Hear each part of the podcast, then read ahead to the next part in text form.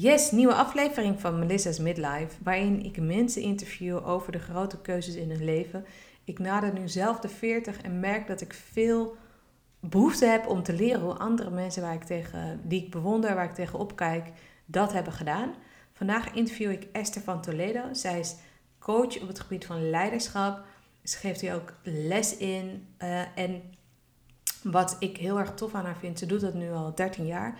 Wat ik heel tof aan haar vind is dat zij echt langlopende klanten heeft. Bijvoorbeeld van Vulpen, is een bouwbedrijf. Je harde wereld, hard werken, processen, la la la. En zij is daar dus juist coach vanuit het hart, uh, leiderschap vanuit het hart. En dat doet ze dus juist in zo'n bedrijf al 12 jaar. Nou, vind ik super knap. Van de, dat is een van de redenen waarom ik haar bewonder. Uh, en in dit gesprek, wat ze ook namelijk heel goed kan, is hele mooie verhalen vertellen van wat ze heeft meegemaakt. En daarmee ook verduidelijken hoe ze de keuzes in haar leven heeft gemaakt. En in dit gesprek, dit is deel 1, vertelt ze hoe ze vanuit een corporate carrière en een burn-out en een wereldreis op haar huidige pad als coach is gekomen. En um, nou ja, er komen heel veel grappen langs. En mooie anekdotes, zoals ik al zei. We duiken er direct in. Dus je zit meteen in het gesprek. En dat gaat er dan ineens meteen over dat dit eigenlijk de tweede poging is. De eerste poging is gedelete, maar dat uh, hoor je nogal. En um, deel 2 gaat echt veel meer over hoe, hoe zij haar bedrijf heeft opgezet. Geniet ervan en laat me weten wat je ervan vond. Yay! Second round. ik ben heel benieuwd wat de higher purpose daarvan is. Want ik ben vandaag veel kalmer dan die eerste keer. Is dat zo? Ja, dus ik dacht, oh, er gaan hele andere dingen uitkomen, denk ik. Want wat is er gebeurd waardoor jij zo kalm bent? Ik schiet er meteen in. Mag dat? Hoi, Esther van Toledo. Hoe zou ik hem al aanstaan? Ja, kijk maar. Oh my goodness. Ja. Oh, dan is dat hele gewauwel van net staat er dus ook op. Ja, maar dat hoor je niet. Dus dat knip ik eruit. Mm. Maar um, vanaf nu zijn we wel aan het, aan het podcasten.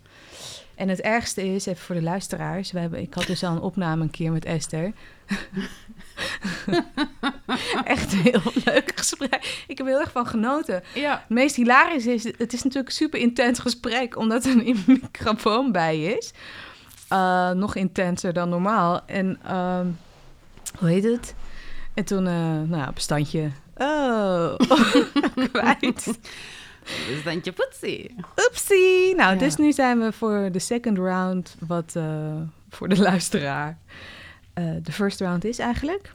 Ja, eigenlijk en, wel. En je vertelde net dat je nu dat er misschien wel een kosmische reden is waarom we, de, waarom we het nog een keer doen.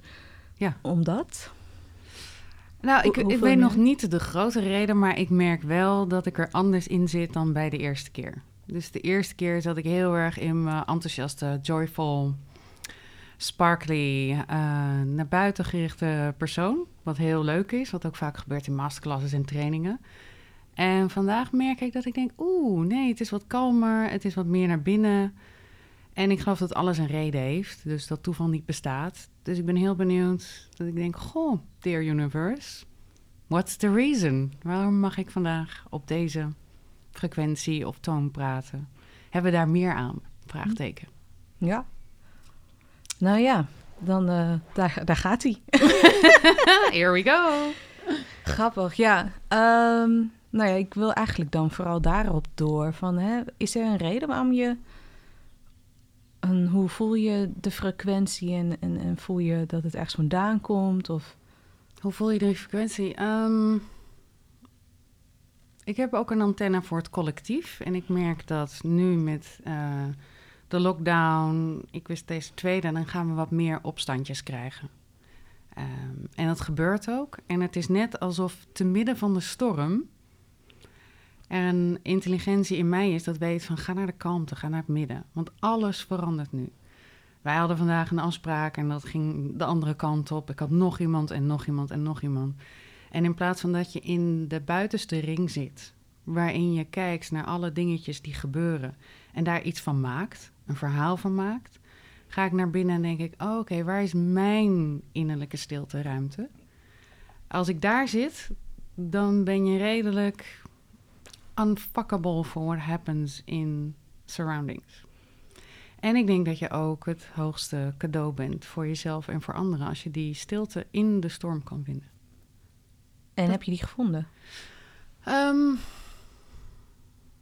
ja, maar ik voel wel dat hij heel dun is. Het lijntje is heel dun. Dus er is zo een pol naar dat je weer je onrustig kan maken, naar boosheid kan gaan. ehm, en je kan weer naar het midden en denken, "Yeah, it really doesn't matter in the bigger picture. En het komt altijd goed. What am I worrying about? It's nothing. Is er nothing? Is nothing. Ehm, dus dat voel ik. En ik merk ook, en dat, dat is volgens mij voor iedereen een beetje deze tijd, is dat je meer naar binnen keert. Er is weinig afleiding. En dat betekent ook dat we veel meer gaan zien wat we in de drukte niet hebben gezien of gevoeld. En dat zijn eh, triggers of wonden in jezelf. En hieronder zit, om het gelijk lekker heel kwetsbaar te maken, ehm, zodra ik voel, dat ik zeg dat lijntje is dun, zodra ik voel dat ik naar de buitenste ring kan worden getrokken, waarin ik me boos, onrustig, et cetera voel, dan heeft dat niks te maken met de omstandigheden, maar dat zit een laag dieper bij mij, waar ik naar heb gekeken in de afgelopen dagen, en dat was het gevoel niet speciaal genoeg te zijn. En dat is getriggerd door een omstandigheid in, in een privésituatie, waarbij je ja, een soort van gevoelens hebt voor iemand. En die zegt vervolgens, oh, ik ben verliefd op Pucky. En dat je denkt, Kut "Ah." Bucky. ik had net... Weet je, je voelt alsof je kip wil eten en je twijfelt er nog over. Je denkt, nou, weet je, ik ga even de kip bekijken. En dan als ik echt trek heb, weet je, laten we even rustig aan doen. Niet meteen Oh van mijn god. Deze metafoor. En ineens stilt iemand je kip voor je neus. En dan, dan besef je pas, Oh ja. I really wanted that chicken. en dat was een beetje waar ik mezelf trof. En dat ik dat ook zag in mijn werk. En toen dacht ik, wauw, dat is interessant.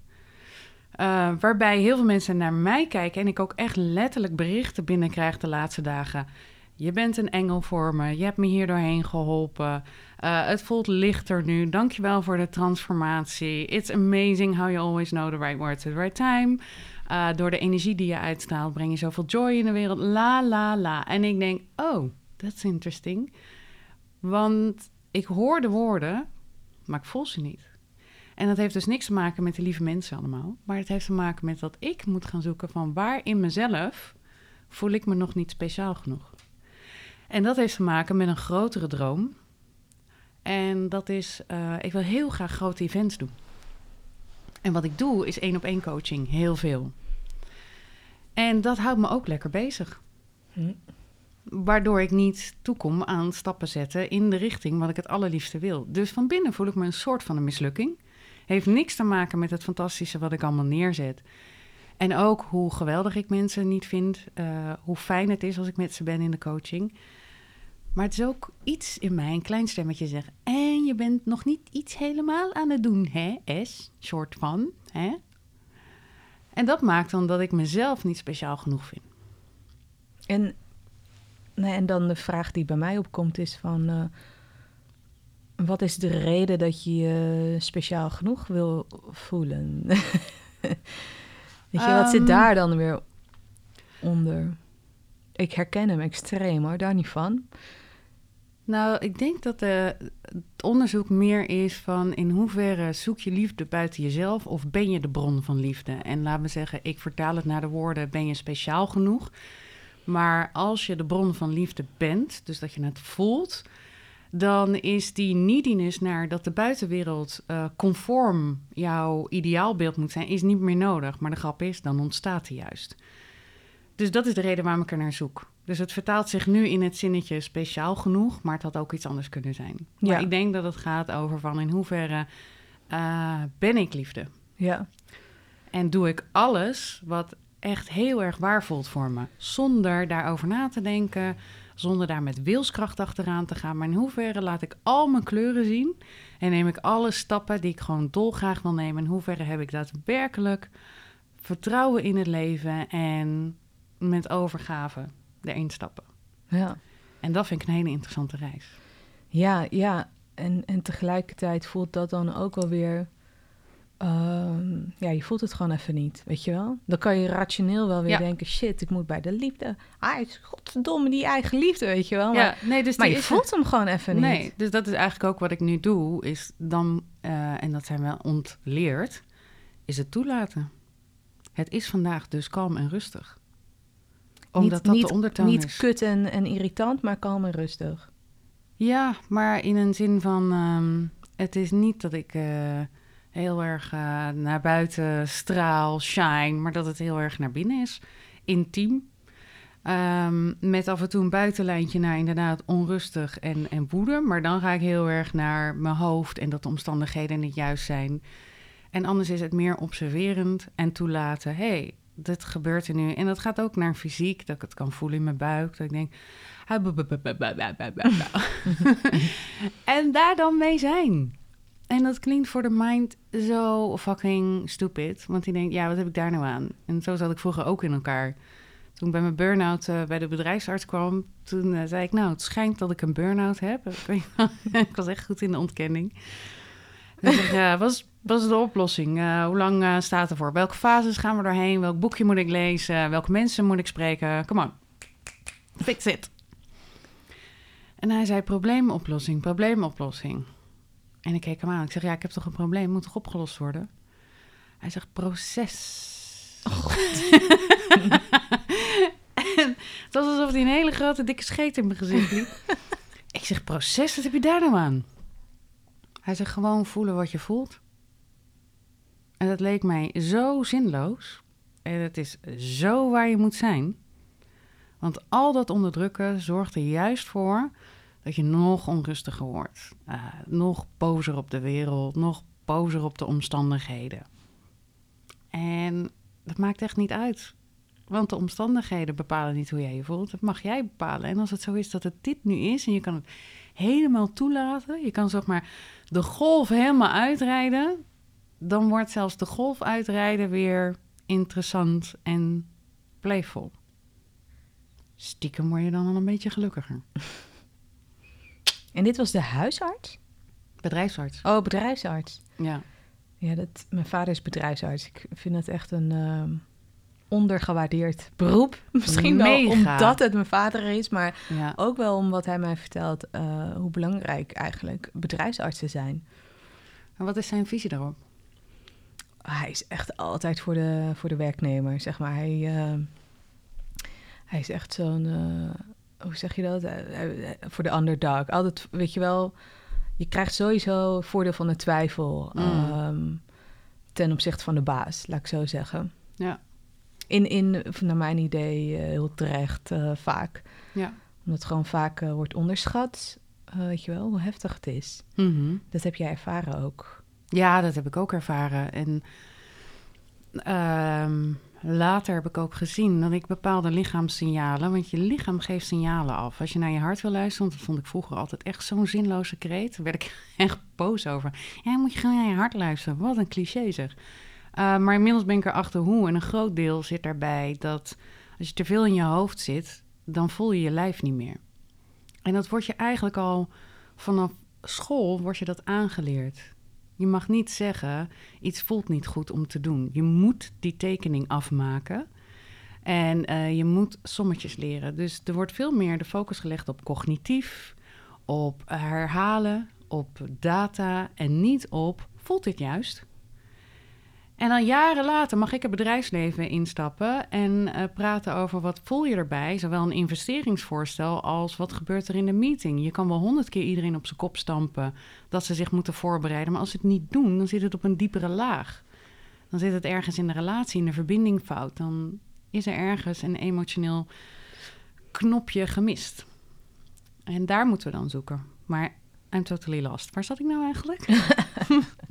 Wat was nou de eerste verhaal? Nou, ik weet, uh, ja, het maakt niet meer uit. We oh, gaan even. Hem al. Ja?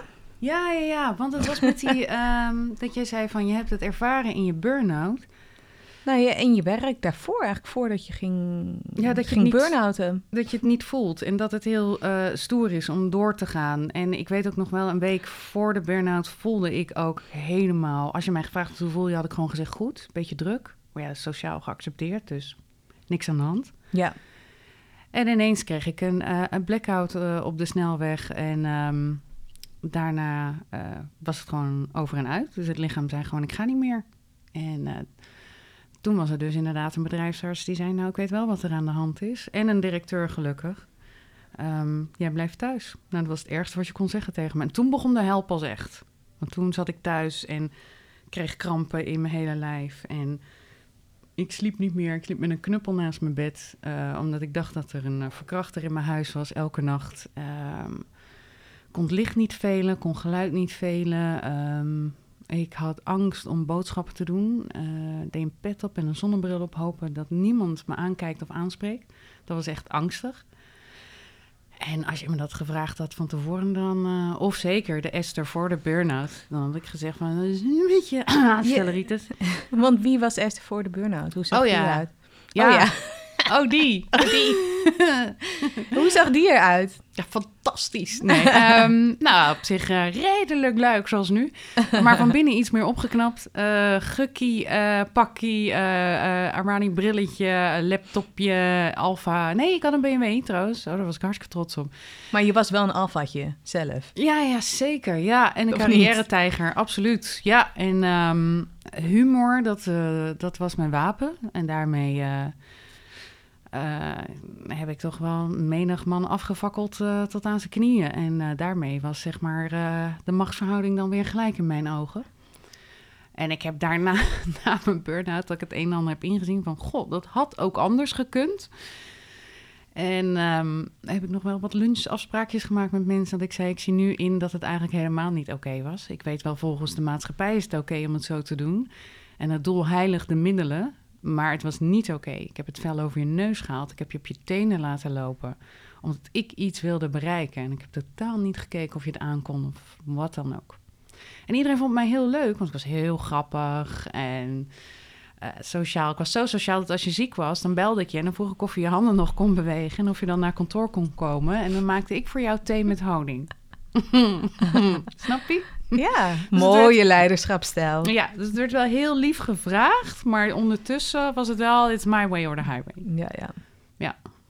En daarna heel veel een, skip, een kleine skip. Je, je kreeg een burn-out. Je was nou niet eventjes eventjes stilstaan bij dat je op de snelweg een blackout kreeg. Oh ja? Hoe dat en was? anderhalf uur kwijt was. Gewoon puur eventjes... eh, Ja. Eh, om dat nog even te hebben gezegd. Wat gewoon gigantisch gestoord is natuurlijk. En hoe de hersenen werken. Geen ongeluk, by the way. Je reed gewoon nog. Ja, echt heel bizar. was gewoon anderhalf uur kwijt. Ja. Eh, en, ehm, en dat je op reis ging. Dat is eigenlijk wel dat je aan het herstellen was. Ja, ik ben daarna inderdaad hersteld. Eh, dat duurde iets van nou ja, zes maanden echt heel intensief niks kunnen doen. Dan drie maanden langzaam integreren. En ik dacht, nou, ik ga ehm, wel terug eh, op het zadel zitten. Eh, ik ben van paard afgevallen, maar ik wil niet bang zijn voor het paard. Dus ik ben teruggegaan. Ik weet dat ik drie dingen heb eh, neergelegd als zijnde van dit zijn de voorwaarden waar ik op terugkom. Want het is ja, een gedeelte mijn eigen issue. Ik heb gezien dat ik een trigger van mijn vader niet helemaal lekker verwerkt heb. En dat ik daardoor eh, enorme bewijsdrang had en enorm perfectionisme gedrag. Dus in principe kon je mij alles laten doen. Ik zei nergens nee tegen. En dat is mijn deel geweest. Aan de andere kant, destijds Coca-Cola ehm, heeft ook geen poging gedaan op het moment dat ik zei: het gaat niet, het gaat niet. Om dat ook maar enigszins serieus te nemen. Eh er kwam dan geen capaciteit bij, je moest het maar wielen en dienen. En ik was toen nog niet wijs genoeg om het dan gewoon te durven op de klippen te laten lopen. Ik ging gewoon door. Dus dat was tot half tien werken en de schoonmaker was mijn beste vriend. Dus ik kwam terug en ik zei: Ik werk van 9 tot 5. Behalve in business planning tijd. Nou, dat is al een beetje ja, vloeken in de kerk in een Amerikaans bedrijf. En ehm, Dat 9 tot 5. ja, dat 9 tot 5. Ja. ja Terwijl nou Dolly Parton daar zo'n leuk nummer over heeft. Working 9 to 5. Ja, dat is toch. Amerikaans? Ja, zij wist het al. Zij wist het al. Wijze Voor- Dolly. Vooruitziende blik, ja. Ehm, en ik geloof, oh ja, de deur, als de deur dicht is, is die dicht. En ik heb een andere secretaresse gevraagd. Want ik had er één die gewoon niet wilde en dat was een enorm gevecht. En toen zei ik, ja, dat houdt ergens op. Ja, Ja, dat is gewoon van, die wil niet. aan. ik kan niet, daar kun je wel mee werken, maar ik wil niet. Eh, dat had een hele eigen geschiedenis, had niks met mij te maken, maar dat ging dus niet. Dus ehm, zo geschieden. En ehm, ik ging terug en ik heb nog een jaar lang in functie gezeten. Ging hartstikke goed. Gewoon weer de high potentials daarvoor. En eh, eh, we scoorden de targets en ging hartstikke goed. Met mijn energie ging het ook goed. Ja, twee vingers in mijn neus. Maar toen dacht ik, ja, nou ben ik tevreden, maar ben ik ook echt gelukkig? Toen kwam die vraag. En dat is niet Nederlands, hè. We moeten in Nederland, nou, weet je, dan maak je een vreemde, hè? Nee, fuck nee. Je geboorterecht is om gelukkig te zijn. Dus dat begon bij mij een beetje te kriebelen. Dat ik denk, oké, maar wat als ik nou gelukkig wil zijn? Wat wil ik dan doen? En toen dacht ik, nou niet tot mijn tachtigste bij Coca-Cola werken. En dan directeur worden of zo. En iedereen aan de suiker helpen. Ik denk, daar word ik niet echt heel erg vrolijk van. Dus eh, dat begon een beetje te kriebelen. In mijn omgeving verklaarde iedereen mij voor gek. Dus ik heb dat eh, op een solo-tour gedaan. Niks gezegd. En ondertussen de hele zelfhulpboeken afdeling van de Donner leeg geroofd en gelezen. Van The Secret tot Eckhart Tolle tot nou ja, alles wat ik maar kon vinden. Heeft Eh, het geholpen? ah, geen reet. Echt, echt geen ene reet? Echt Geen ene reet. Ik heb NLP gedaan en ik heb van die post-itjes opgehangen. En je weet nu wat je wil. Of je, je hebt 50.000 euro op de bank. Wat een bullshit. Dat heb ik later pas geleerd. Dat als er intern eh, een trigger zit of een onverwerkt issue op bijvoorbeeld dat je de moeite waard bent om 50.000 euro te verdienen per maand. Ja, dan eh, kan je dat allemaal wel wensen.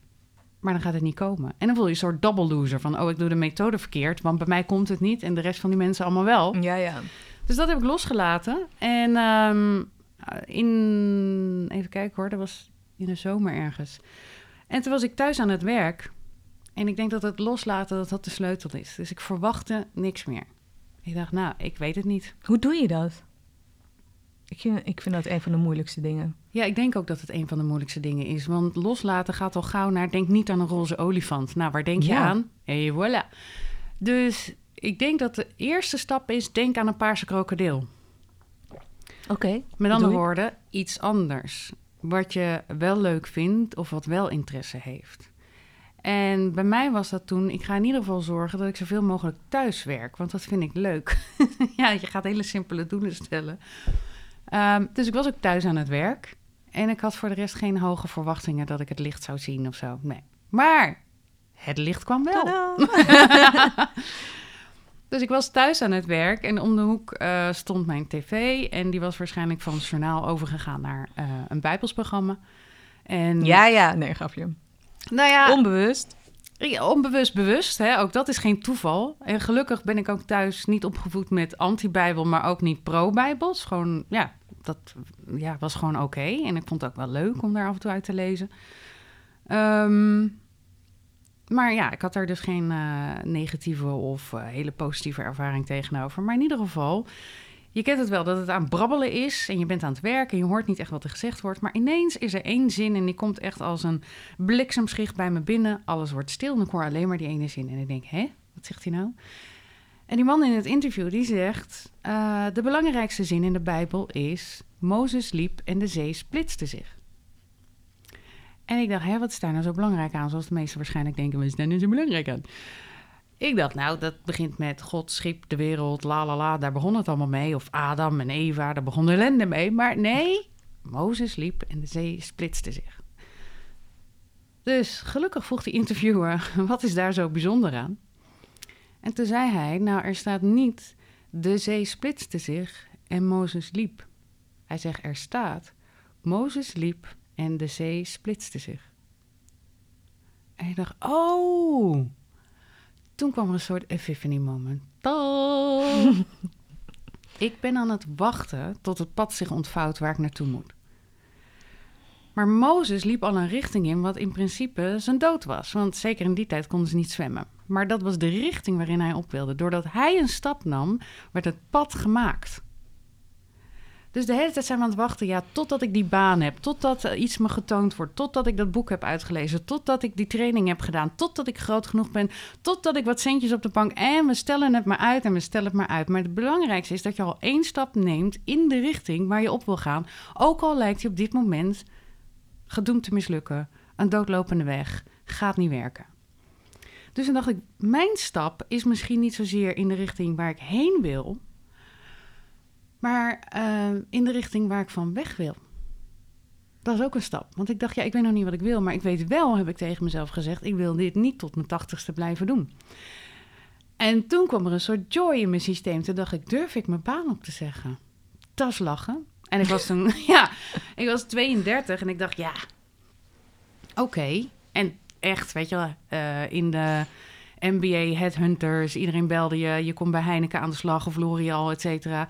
Dus ik dacht, oké, het allergrootste risico is dat ik over drie maanden ergens aanbel... of vier maanden uh, als uh, de salaris uh, stopt bij een L'Oreal of een Heineken... mag ik alsjeblieft hier werken. En dan doe ik hetzelfde trucje met een ander product. Ja. Um, maar durf ik gewoon het te stoppen? Ja, want dat is natuurlijk gewoon het klinkt nu achteraf heel makkelijk, maar hoe, wat, wat kwam allemaal in je hoofd op? Ik kan me heel goed voorstellen dat andere mensen misschien ook wel, ja, stoppen bij vooral een corporate uh, met een goede merknaam, mm. met een, een, soort van guaranteed carrière. Um, ja, weet klopt. je? Hoe nee. de freak zeg je je baan op dan? Nee, het was niet, ik was niet populair bij, uh, bij vrienden en familie. Die zeiden... Waarom was je daar dan? Waarom? Wat, wat, heeft, wat nou, riep dat bij hun op? Bij, je raakt dan eigenlijk uh, de anders sense of safety raak je aan. Dus die beginnen tegen jou te ageren van moet je dat wel doen? Uh, kun je dat niet gewoon op een andere manier doen? Je kan toch ook een sabbatical vragen? Um, weet je wel hoeveel mensen jouw baan willen hebben? Schuldgevoel. Weet je hoeveel mensen jouw baan willen hebben? Wow. Dat is niet zomaar iets. Um, ja, het ging alle kanten op. Uh, maar ook bij mezelf. Dat ik denk, oeh, ik heb een heel leuk huis met een hele leuke auto. En die gaan we allemaal kwijtraken. Ben ik daarmee verbonden? Is dat mijn identiteit? Maakt dat me echt gelukkig? En ik weet echt nog dat ik die BMW-sleutel moest inleveren, hoor. Die ik voelde dat echt. Ik denk, oeh, straks sta ik daar bij die bushalte. En nu heb ik nog een hele mooie auto. en nu niet Best meer. altijd BMW. Best altijd BMW. Woe, there we go. um, maar ja, er zat ook wel onderliggend een soort van... haha, fuck it, en een sense of freedom. En wat als? Ja, uh, Adventure calls. Yeah. Um, dus dat toen... Uh, gedaan. Maar de, en, en, ik denk ook dat het een tip is van als je ooit voor zo'n punt staat, dat het belangrijk is dat je niet naar je vrienden en je familie luistert. Ja. Want 9 van de 10 keer heb je een kring om je heen die klopt bij de oude energie van wie je was. Ja. En vlak voordat je een grote transformatieve sprong of stap gaat nemen, sta je alleen. Ja. En dat is precies wat het leven vraagt. Er is niemand die gaat zeggen: wat een briljant idee. Heel goed dat je stopt. Ja. Had je eerder moeten doen. Ja. En dat was ook niet 14 jaar geleden toen ik dit coachingsbedrijf startte. Stond er ook niemand die zei: Coach, dat is een goed idee. Daar hebben we er weinig van.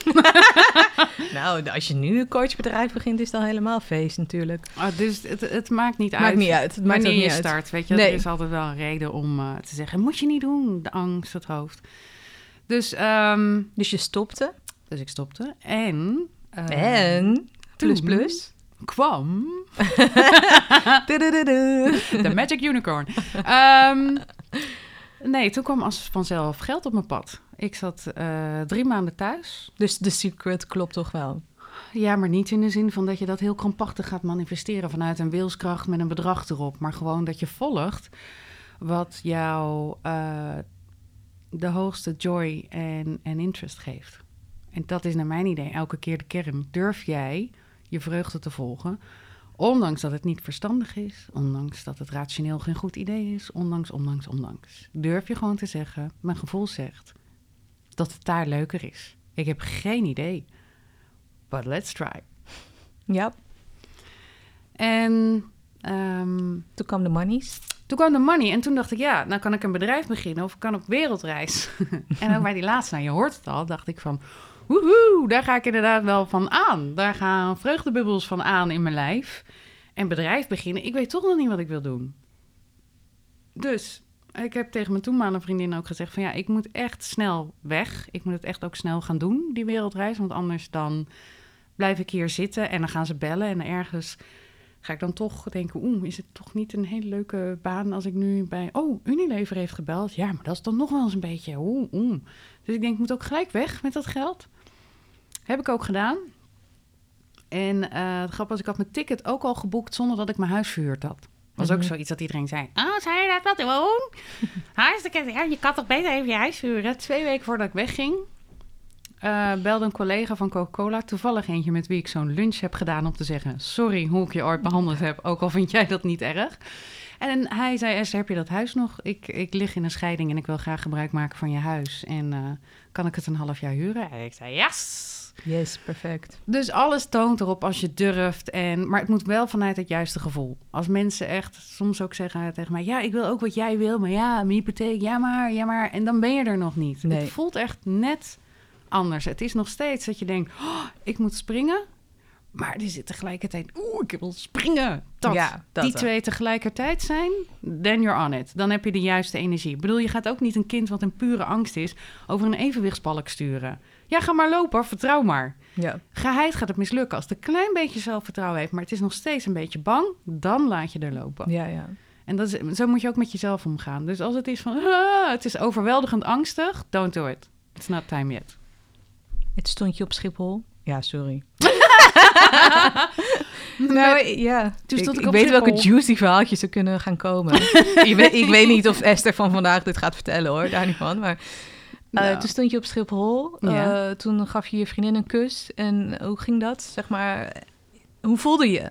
Hoe ging nou, dat? eigenlijk viel het wel mee. In het vliegtuig heb ik me wel nog eenzaam gevoeld. Ik denk, holy fuck, daar gaan we. Maar ook een, holy fuck, daar gaan we. Dus ik was ook wel, ja, Wat is nou, vertel even het verschil. Want je had het net ook al. Het is holy fuck, we gaan we. Wat is het verschil tussen de, de ene holy Nou, fuck de en andere eerste holy fuck? is dat je denkt, eh, wat laat ik achter en was dit wel een juiste beslissing? Mhm.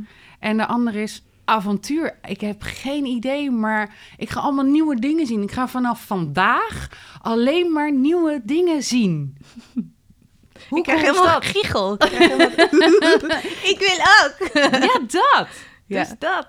Dat voel je dan. En eh, dus er is nog een treintje gelaten. Maar hoe meer ik ri- richting... Ik was toen richting Nieuw-Zeeland aan het gaan. Hoe meer ik die kant uit ging, hoe meer ik dacht... Jee, holy fuck, daar gaan we. Nieuw-Zeeland. Kiwis, kangaroos. ehm, wow, wat een hoge bomen hier. Ehm, die hebben het al over een file bij, bij drie auto's. Ik weet dat ik het uitproestte van het lachen... toen een, eh, een opgedane vriend daar in Nieuw-Zeeland zei... Oh my god, traffic jam, I might.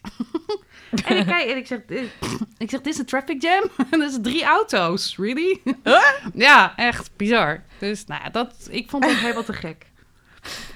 Maar ik weet niet welk juicy detail. Ja, jij hebt voorinformatie. Geef me maar een hint welk juicy detail jij wil hebben. Ik weet niet meer. Nee, eh, ja, op een gegeven moment wat ik gewoon... eh, gewoon een fantastische anekdote is dat je gewoon koffietjes ging... ging Oh ja, klopt. Ja, ja. Er- eh, ergens gewoon waar je roeping, wat je vandaag de dag, eh, of de afgelopen twaalf jaar hebt gedaan, Ja. Eh, hebt ontdekt of zo. Dat, dat, eh, ja, ook daar weer. Ik vind dat heel juicy. Misschien dat de luisteraar denkt, fucking saai verhaal. Ik vind dat heel leuk. Nou, wat inderdaad.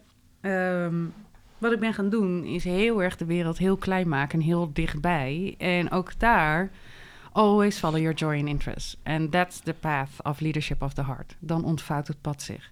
Dus ik dacht elke dag, wat wil ik vandaag doen? Nou, en ik hield heel erg van koffie, nog steeds. En dan ging ik in elke plek waar ik was de allerbeste koffietent opzoeken. Sowieso leuk. Ja, en eh, dat was soms in Sydney dat ik anderhalf uur in een bus zat. Maar dan kwam ik bij The Espresso Bar en die hadden dan allerlei soorten bonen. En dan kreeg ik van die barista helemaal uitleg hoe het allemaal gebrand was. En eh, welke temperaturen en welke melk en welke niet. En dan kreeg ik alle verschillen te proeven. En ik vond het geweldig. En elke keer als ik daar zat, dan had ik op de een of andere manier, dat heb ik je ook verteld, een aura van een businesswoman moment. Terwijl ik echt mijn best deed met mijn kekke roze brilletje en mijn korte broekje. Om er als een backpacker uit te zien. maar ik werd elke keer, begonnen mensen een verhaal tegen mij. En dan zeiden ze, ja, uh, dit, uh, dit is het verhaal van mijn, uh, van mijn restaurant en bla bla bla. En ik vraag me af wat ik nog meer kan doen aan, aan marketing. Nou, dan kwam ik aan de praat met zo'n jonge man. Die zag, ik weet nog wel, hij zag eruit als een soort Jamie Oliver. En toen dacht ik, marketing? Alles is hier echt perfect op orde. Waar, dus ik dacht, daar zit hij niet.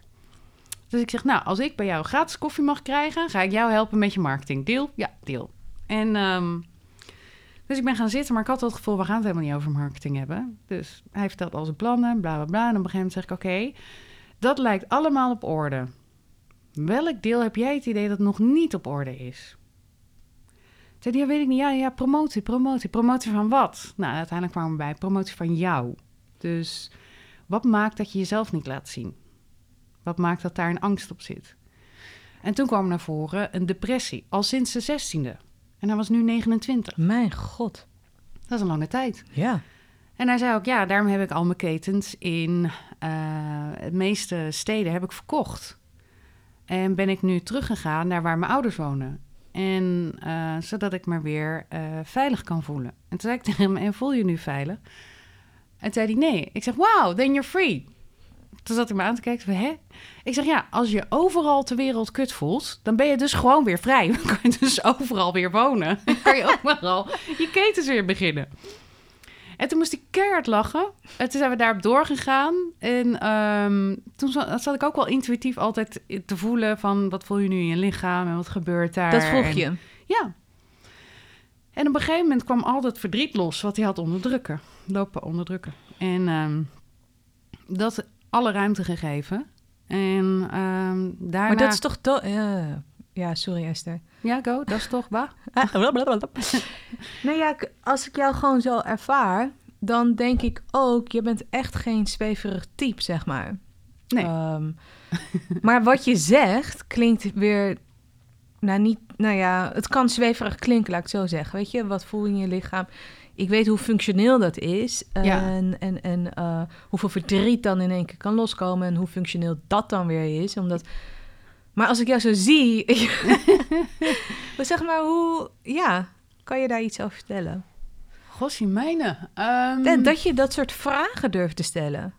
Ja, oh, ik ja. vind het. Het lijkt mij gewoon best wel spannend. Oh, nou, voelt voor mij dat ik niet anders kan. Dus ik, ik voel aan van ja, ik kan nu nog wel tien uur lullen over hoe je je team moet aansturen of waar je marketing zit, maar daar zit je probleem niet. Hij zit dieper, hij zit op een onbewust niveau. En een onbewust niveau geeft dus al aan waar je denken niet bij kan. Je bewuste denken niet bij kan. Dus je bent het je niet bewust. En het onbewuste deel uh, bestaat heel erg uit uh, waar je zenuwstelsel uh, vastzit of nog dingen vasthoudt en daarmee emoties onderdrukt. En die zorgen ervoor dat ergens in het onbewuste deel van je brein er een onrustig signaaltje afgaat, wat zorgt voor malende gedachten van er is hier nog iets niet afgemaakt. En vanuit die onrust gaan we afleiding zoeken, gaan we waardering buiten onszelf zoeken, terwijl het antwoord er binnen zit. Want zodra ook zijn verdriet zeg maar was uitgerippeld, ik zie dat echt als een golf die op een bal die onderdrukt wordt onder water, uh, dat brengt onwijs veel spanning in je ene systeem. En zodra die pff, eruit mag komen en helemaal toegelaten wordt... en you're riding the wave of all the emotions, it's done. En het is echt zo magisch, it's done. Maar op de een of andere manier hebben we zo aangeleerd op school... dat het zo eng is om gevoelens te voelen. En ik bagatelliseer het niet. Ook ik heb bij allerlei therapeuten en coaches, et cetera, op de bank gelegen. Ik heb somatic learning gedaan in Amerika. En dan dacht ik, oh fuck, daar gaan we weer. Want het is niet voor niks niet verwerkt in je lijf. Het is ergens op een moment gebeurd in je leven waar het too much was om het op dat moment te verwerken. Dus doet je lichaam iets heel slims. Het slaat het op. En je bent je niet meer bewust van, dus je hebt er in je dagelijkse zogenaamd geen last van. Maar het ligt onder het tapijt, dus je hebt er wel last van. Het openbaart zich in dat je enorm overdreven boos reageert op iemand en het heeft niks met die persoon te maken, maar een onverwerkt verdriet van je vader. En dat blijft zich maar herhalen in je leven. Ja, omdat je het overal projecteert, maar de pijn zit in jou. Ik dacht vroeger dat het verkeer agressief was toen ik bij Coca-Cola werkte. ja, maar serieus. En ik zocht ook medestanders. Het is toch niet normaal hoe dat nu met dat verkeer gaat? Bla bla bla bla. Dus, uh, iedereen rijdt maar door en snijdt maar af. En, uh, belachelijk, idioten. En jij reed een BMW. Ja. Dus dat is wel mooi. En nu is het verkeer veel rustiger. Dus het werkt van binnen naar buiten. En we zijn altijd te vaak bezig de omstandigheden aan te passen. Het is mijn werk, het is mijn baas. hey, het goede nieuws is, it's in you. Dat is het goede nieuws. De meesten zeggen, huh, me? Ja, stel je voor dat je echt al die mensen moet veranderen... voordat jij Ja. de vrije en krachtige versie van jezelf kan voelen. Ja. Dat zou pas triest zijn. Ja. Dus inderdaad, het, het, het toelaten van zoiets. En daarna gaat er bij hem ook een soort van creativiteitsstroom los. Die gast was niet meer te houden. En later, wil je ook het verhaal van de bulldog horen? Die Ja. bulldog, ja? Oké. Of course. Natuurlijk. ik begin ook heel veel Engels nu. eh, Ja, sorry, dat zit er nee, ook altijd doorheen. Maar hey, Je hoeft een, so- het is geen sorry te zeggen. komt goed, komt Komt goed. Ehm, het andere, dat heeft geleid tot echt wat ik doe. Want daarvoor vond ik dat gewoon grappige ontmoeting. En ik had toch niks beters te doen. Dus ik dacht, nou, tof toch? Leuk. Maar ik had niet de verwachting dat mensen daadwerkelijk... soort van permanent veranderd zouden zijn. Come on. Ik had te veel gezien in mijn werkleven dat ik dacht... dat is gewoon een mooi gesprek. En morgen doe je gewoon weer wat je altijd doet. En bedankt voor de koffie. Dus toen dacht ik, nou, ik ga die, al die mensen die dan toevallig op mijn pad komen, tussen aanhalingstekens, ga ik nou eens vragen of ik ze over een tijdje mag bellen. En de eerste die op mijn pad kwam, die man zag eruit als een bulldog, vierkant, klein, bodybuilder type. En het- hij sprak tegen mij en hij zei, Esther, this is the story of my life. Won a million, lost a million, won a million, lost a million, and I just had a heart attack. En zei, great. En zei are you mental? Ik zeg, well, then you're ready for change. Why? Dus ik zeg, nou, je hebt net... De grootste angst die we allemaal hebben, is om dood te gaan. Jij hebt die angst in de ogen gekeken en van teruggekomen. Als je daarvan terugkomt, waar kan je in godsnaam nog bang voor zijn? Dus, wat wil je doen? Alles ligt weer open. En toen begon hij te lachen en toen zei hij, ja, mm, dat is eigenlijk wel waar. Ik zeg, dus wat wil je neerzetten in het leven? Wat wil je creëren of waar wil je vanaf? Toen zei hij, nou, ik wil af van dat patroon, want elke keer maak ik een miljoen en raak ik het weer kwijt. Want hij was nu kwijt, hè? Dat is wel, Ja, hij was nu kwijt. En, ehm, eh, en hij zei van, eh, en ik zou graag... Nou, het, hij was niet helemaal kwijt, hij was net weer in de opbouwfase. Dus hij was bang dat hij het weer kwijt zou raken. Mm. Ehm, en hij zei, ik wil dus eh, dat patroon wil ik kwijt. En ik wil een huisje in Hervey Bay, een zomerhuisje. Toen zei ik, oké, anything else? Nee. Toen zei nou, heb je nog iets te doen? Ik zit straks weer in Brisbane. En eh, ik zeg, nee, ik kom wel naar je toe. Drie dagen met hem opgetrokken. En toen ook zowel mijn MBA-achtergrond als ik heb ook nog consultancy gedaan, als ook mijn intuïtieve kant, dat allemaal gecombineerd. En dat is ook echt waar ik voor sta, dat je je hoofd en je hart combineert. En dan heb je echte intelligentie. Ehm, dus ik heb gekeken naar, oké, invoelend in de vijf bedrijven die hij had op dat moment, zonder dat ik ze bezocht had. Eh zei ik, twee er kwijtraken. Ehm, dit zijn de drie bedrijven die steady zijn. Eén daarvan is je Rising Star. hey, daar komt die MBA-kennis weer terug. En ehm, dat was biodiesel. Eh hoefde je niet heel erg voor gestudeerd te hebben dat dat wel zou eh, succes zou worden. En ik zeg, in je directie daar zit te veel mannelijke energie. Daar moet vrouwelijke energie bij. En ik zeg, energie, het mag een man zijn, het mag een vrouw zijn, dat maakt helemaal niet uit. Maar iets meer glijmiddel tussen die ego's. En dan ga je daar echt thriven. En dan gaat het helemaal goed komen. Ja. Ehm, Hoe belangrijk glijmiddel is. maar echt, ik heb heel vaak, hè, nee, je moet ook je, de kletspraatjes. Het, het is zo, zo belangrijk om, om de wieltjes te laten draaien en eh, ja, de dingen door te zetten met elkaar. Ja, we zitten veel te, veel te veel de focus op het intellect, op het droog, op het data en processen. Ja. En verliezen enorm veel geld eigenlijk ook door die focus. Want een, eh, een training of een goed gesprek op een bepaald gebied kan een hoop ICT-software koop voorkomen. Want heel vaak zie ik dat we in de ICT dingetjes proberen op te lossen, terwijl de onderlinge relaties gewoon niet goed zijn. Ja, ja. Wauw. Back to Oké, him. back to him. Onze bulldog. Ja, en ehm, dus ik had met hem inderdaad die bedrijven. Toen heb ik hem na drie maanden gebeld. En toen zei ik, hoe is het nu? En toen zei hij, nou, twee bedrijven al verkocht. Ehm, toen zei ik, nou, dat doe je snel. En we zijn bezig een dame aan te nemen. Ik zeg, nou, fantastisch. Hoe is het met je zomerhuisje in Hervey Bay? Nog niks gedaan. Toen drie maanden later weer gebeld. Ik zat in een taxi in Sydney. Hij kwam op en toen dacht ik, ik ga hem nu weer eens bellen. Dus ik belde hem en ik zeg, hoe is het nu? Hij zegt, ja, fantastisch, gaat allemaal hartstikke goed. Ehm, business thriving. En we hebben net een bod gedaan op een zomerhuisje in Hervey Bay. Ik zeg, oh, geweldig. Ehm, maar hij zegt, we weten nog niet of we het hebben, maar je belt wel op dat moment dat we er net eh, een bod hebben gedaan. Ik zeg, nou, grappig. En uh, hij zegt, but on a more important note, I'd like to thank you on behalf of my son. And he says, thank you Esther, I just got my father back. Oh, wow. En toen moest ik huilen. En toen kwam er een stem in mijn hoofd. Ik ben niet zweverig. nee, de stem in mijn hoofd zei: En dit is wat je gaat doen. En je gaat weer terug naar huis. Dat laatste vond ik niet zo leuk. En het gaat heten Leiderschap vanuit het hart. Ook daar heb ik nog wel heel even een discussie met boven gevoerd. Dat ik zei: Ja, um, bedrijfsleven, hè? kunnen we niet een andere naam hebben? uh, maar het was het nee. Het is precies die twee dingen: leiderschap, zakelijk en het hart zacht en die twee bij elkaar brengen. En dat wordt je missie. Do Ja. you accept? Luister deel 2 binnenkort online. Of nu al online. Check het.